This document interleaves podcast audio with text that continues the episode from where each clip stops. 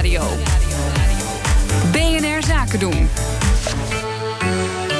Iedere woensdag dan uh, spreek ik hier Marcel Beerthuizen van sponsoring adviesbureau Big Plans over ontwikkeling op het terrein van sport en economie die iets verder gaan dan de laatste uitslagen in de Champions League. In ieder geval wel vandaag. Nee, die skippen we. Want we gaan het hebben over blockchain en cryptocurrencies die ook in de sportwereld hun opwachting maken. En Marcel, de echt vaste doorgewinterde BNR-luisteraar, die denkt: nou, weer de blockchain, weer cryptocurrency. Nog even heel kort, wat is het?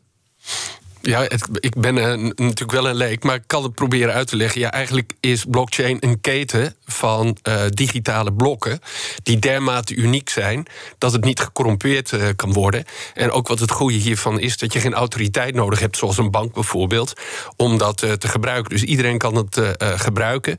En dat kan op allerlei manieren toegepast worden. De bekendste is natuurlijk in geld, in valuta, de bitcoin en allerlei andere platformen en toepassingen die je daarvan hebt. Maar nu zie je het ook steeds steeds vaker toetreden in, uh, en, en, uh, in, in de sportwereld. En, en uh, wanneer dan bijvoorbeeld? NBA is volgens mij al een tijdje om, hè?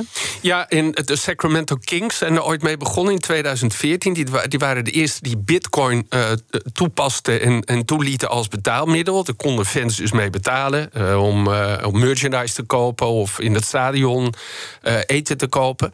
Maar inmiddels zijn er veel meer clubs gekomen. Red Bull is, wordt gesponsord, het Formule Formule 1-team van Max eh, Verstappen door een, door een bitcoin uh, aanbieden, Futuro Coin. Uh, je hebt allerlei andere clubs. de vrouwen van het Amerikaanse voetbalteam, die kun je sparen met digitale plaatjes. Dat is ook op, op basis van blockchain gebaseerd. Ja, al, allerlei manieren.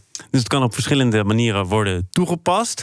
En de reden dat wij het erover hebben is dat een iconische voetbalclub, namelijk Juventus, nu ook de stap gewaagd heeft. Wat gaan ze daar doen? Ja, die zijn met fan tokens gekomen. Dus dat zijn uh, tokens gebaseerd op bitcoin die je, en, en blockchain die je kunt sparen. En uh, het verhaal is, ja, uh, Juventus heeft 400 miljoen fans over de hele wereld. Maar 9, 99% woont niet in de buurt van het stadion. Dus als je nou wil dat die mensen invloed kunnen uitoefenen op de, op de club en op de beslissingen van de club, dan zou dit wel eens een keer een hele mooie manier daarvoor kunnen zijn. Dus je kan die coins dan kopen. Er worden er 20 miljoen uiteindelijk uitgebracht. Die gaan ongeveer 2 euro per stuk kopen. Die kan je kopen. Maar er komt ook à la Pokémon Go een, een, een, spel waarbij je die uh, tokens op straat kunt verzamelen. En als je die tokens hebt, en hoe meer je er hebt, uh, uh, hoe meer invloed je hebt op, op het beleid van de club. Ja, maar het wordt een beetje gezien als een soort democratiseringsslag. Hè? Je mag meedenken ja. over het liedje dat de supporters ja, kunnen zingen. Of dat er wordt gescoord. en dan komt er natuurlijk een melodietje en dat bepalen dan de supporters. Maar als jij zegt, het gaat ook geld kosten. Weliswaar 2 euro, maar er worden er 20 miljoen gemaakt. Dan is het ook weer een extra inkomstenbron. En daarom ja, wij je misschien ook. Ja, dus er zit een partij achter socials.com. Die heeft dit allemaal bedacht. Die zijn ook met allerlei andere Europese voetbalclubs bezig. Paris Saint-Germain onder andere. En Galatasaray en Roma. Uh, die hebben een bitcoin die heet Chiles. Die is te verhandelen voor 1 dollar cent op dit moment. Dus oh. daar zit ergens. Zij betalen geld en krijgen een deel van de opbrengst. Ze zeggen dat in de eerste dagen van uh, de, het uitbrengen van die token. dat ze voor 100.000 euro hebben verkocht aan dit soort coins. Zij verdienen daar geld aan. En zien dat natuurlijk ook als een manier om die bitcoin aantrekkelijker te maken. En, en ook betrouwbaar te maken richting een hele grote groep. En de gedachte is inderdaad dat je er veel. Hè, als je die token spaart. Dan kun je beslissingen uh, uh, kun je nemen. Je krijgt ook speciale treatments, VIP-treatment en, en dat soort dingen.